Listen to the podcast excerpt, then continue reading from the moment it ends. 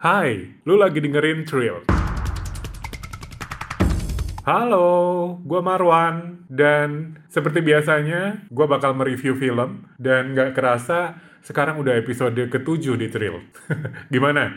Udah ada, sejauh ini udah ada film yang lu tonton? Dari yang gue rekomendasiin? Semoga sih udah ada ya. Atau paling enggak sedikit-sedikit lu uh, ngintip-ngintip gitu udah filmnya.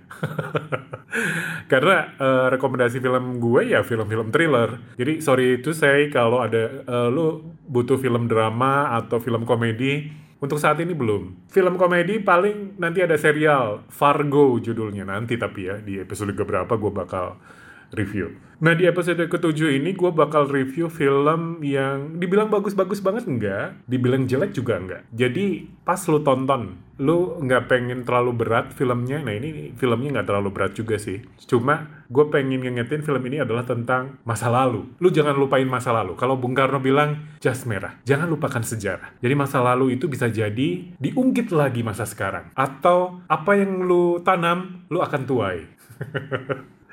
gue berusaha bijak sih di episode ini, tapi nggak bijak-bijak amat. Yang jelas gue mau review.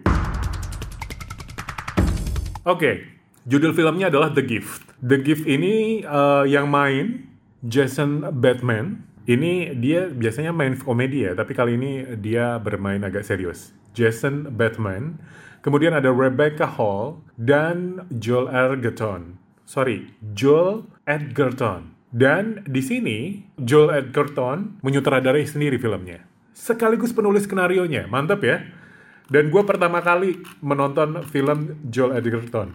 Di sini uh, Joel Edgerton berperan menjadi Gordo ya. Kemudian Jason Bateman berperan menjadi Simon dan Rebecca Hall berperan menjadi Robin. Jadi Robin dan Simon ini adalah suami istri, pasangan muda yang baru apa ya Robin ini masih trauma dengan keguguran anaknya. Makanya Simon kemudian memilih untuk ya udah deh kita nyari uh, rumah yang lebih tenang. Akhirnya pindahlah mereka berdua ke rumah sedikit tenang ya di sedikit dalam hutan gitu ya. Dan mereka berdua udahlah mendapat rumah. Rumahnya nyaman karena memang Simon lagi sukses banget. Jadi dia boleh dibilang ya lagi bersinar lah di karirnya. Kemudian pas mereka berdua lagi lagi membeli perkakas, tiba-tiba ketemu dengan Gordo. Dia adalah teman SMA Simon yang udah lama banget gak ketemu. Ngobrol-ngobrol lah mereka. Ya, ngobrol ngobrol-ngobrol akrab gak akrab gitulah. Karena mereka udah saling lupa gitu. Apalagi Simon udah udah sukses kayaknya dia mulai lupa. Siapa sih gitu Iya gitu e, si Gordon ini teman teman dia waktu SMA gitu. Sedikit lupa lah gitu. Entah pura-pura lupa atau memang benar-benar lupa. Oke okay, udah ketemu udah beres kan ngobrol. Ya ngobrol basa-basi gitulah. Terus kemudian mereka pulang lah gitu. Hingga pada suatu hari siang siang-siang rumah mereka kayak kebobolan gitu kebobolan maling gitu. Ada siapa nih? Dan ternyata Gordo yang masuk ke rumahnya. Mereka kan aneh kan ya. Simon dan Robin aneh. Si Gordo ini tahu alamat rumah mereka dari mana. Padahal mereka benar-benar tidak pernah uh, ngasih tahu alamat rumah mereka ke siapa pun. Karena memang uh, Simon ini benar-benar menghargai istrinya yang memang trauma karena keguguran anaknya yang pertama. Jadi uh, Simon ini benar-benar menjaga privasi ke semua orang bahwa mereka tidak akan ngasih tahu alamat rumah baru mereka ke orang lain. Nah, kenapa tiba-tiba Gordo tahu alamat rumah mereka. Oke, okay, Robin berusaha positive thinking. Oke, okay, itu teman suaminya, nggak masalah.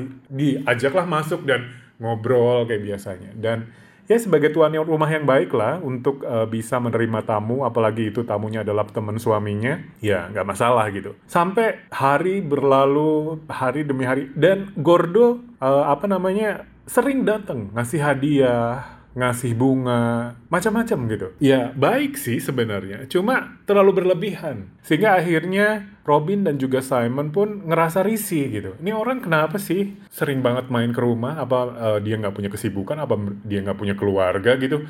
Uh, sering banget main ke rumah mereka gitu. Kan bete kan kalau udah udah kayak gini kan. Kenapa gitu? Apa yang terjadi gitu? Ada apa? Kenapa sering banget main? Terus ngasih kejutan-kejutan hadiahnya tuh ngedadak bikin kaget gitu si Gordo ini. Dan sampai-sampai ya Simon pun ngerasa ini udah keterlaluan. Akhirnya dia ngomong baik-baik dengan Gordo. Kenapa? Ada apa gitu kenapa sering main dan dia meminta ke Gordo untuk tidak terlalu sering datang ke rumah gitu. Robin sebenarnya nggak nggak setuju suaminya bilang kayak gitu karena ya nggak enak ya. Masa temannya di di di di dianggap orang asing gitu kan. Padahal main-main aja doang juga nggak apa-apa. Tapi kesannya jadi jadi mengganggu gitu. Nah di situlah pertanyaannya. Ada apa dengan Gordo? Kenapa dia sering banget main ke rumah Simon dan juga Robin? Ada masa lalu apa dengan dia? Dengan kedua suami istri itu, kedua pasangan muda itu. Nah ini yang sebenarnya coba diungkap bahwa ternyata ada masa lalu yang tidak mengenakan,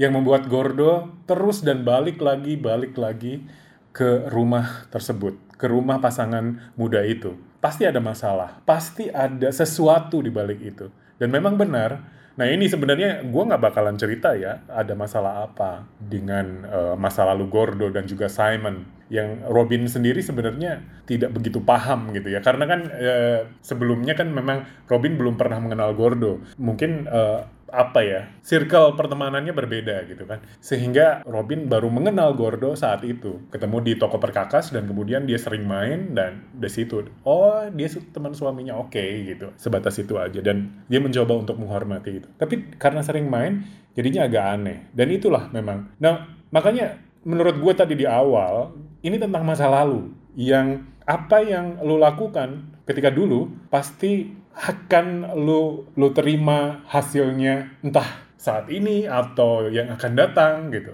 Percaya karma ya? Percaya karma nggak sih?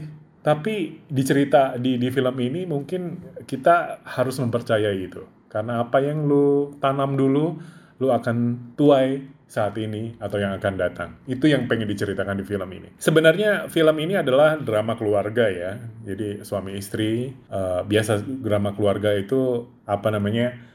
ceritanya lebih halus sih. Nggak nggak ada terlalu banyak kekerasan yang dalam sih di film ini. Biasa aja gitu. Dibanding uh, review-review gue sebelumnya di serial uh, apa namanya True Detective misalnya nggak ada nggak ada kekerasan yang benar-benar dalam gitu. Cuma di sini lu akan dipermainkan dengan pertanyaan-pertanyaan kenapa ada apa?